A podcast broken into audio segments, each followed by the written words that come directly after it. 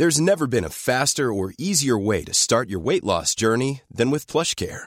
PlushCare accepts most insurance plans and gives you online access to board-certified physicians who can prescribe FDA-approved weight loss medications like Wigovi and Zepbound for those who qualify. Take charge of your health and speak with a board-certified physician about a weight loss plan that's right for you. Get started today at plushcare.com slash weight loss. That's plushcare.com slash weight loss. plushcare.com slash weight loss.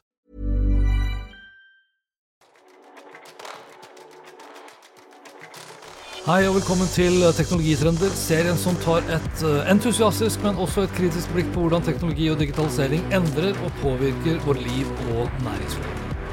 Episoden presenteres av Episenter, Oslos hub for digital innovasjon og et økosystem for innovative selskaper i vekst.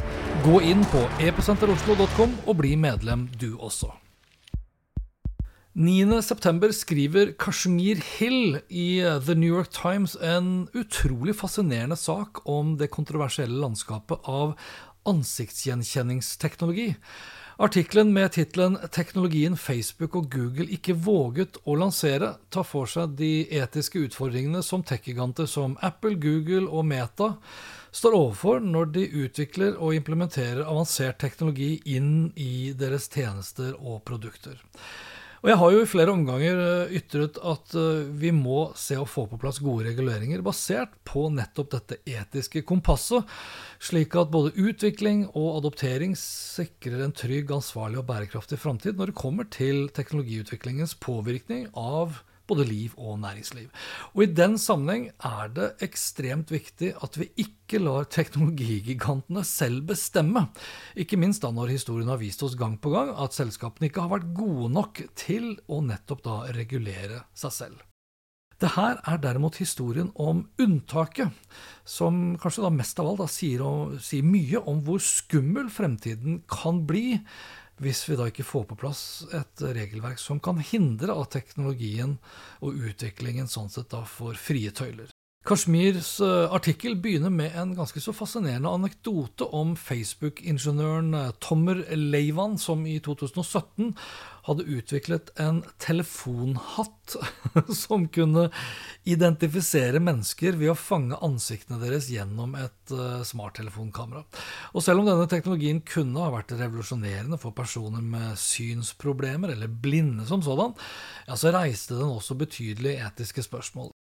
I tillegg hadde Facebook tidligere fått et gruppesøksmål mot seg pga. sin ansiktsgjenkjenningsteknologi, noe som da hadde kosta selskapet ca. 650 millioner dollar. Men det er ikke bare Facebook som har hatt et eh, slags ambivalent forhold til ansiktsgjenkjenningsteknologi. Allerede i 2011 hadde Google utviklet et verktøy hvor du kunne google et ansikt for å finne andre bilder av eh, av deg sjøl eller av andre, men daværende styreleder og tidligere toppsjef for Google, Erik Schmidt, hadde bestemt at teknologien ikke skulle slippes løs. Ifølge Schmidt selv er dette den eneste teknologien Google hadde utviklet og deretter bestemt seg for å stoppe.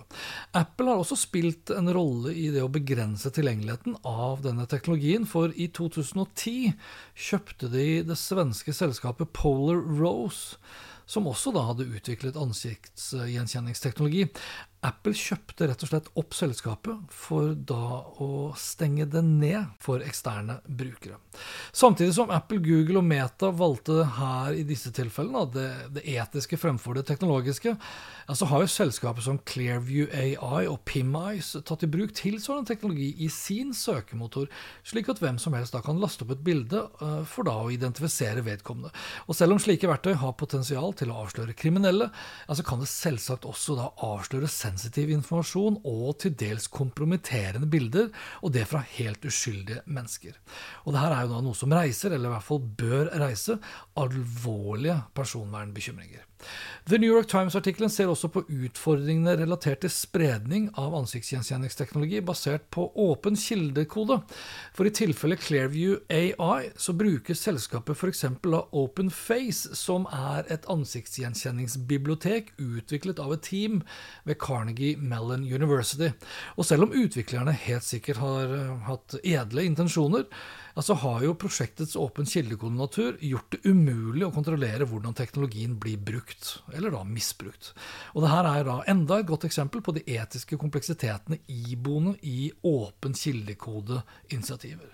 Debatten om fremtiden for ansiktsgjenkjenningsteknologi ja, den er viktig å ta nå, før markedet for f.eks. Apple sine Vision Pro-briller og for øvrig også metaverset da, potensielt tar av. Både Apple, Clearview AI og Meta jobber jo i disse dager med AR-briller som nettopp er utstyrt med ansiktsgjenkjenningsegenskaper.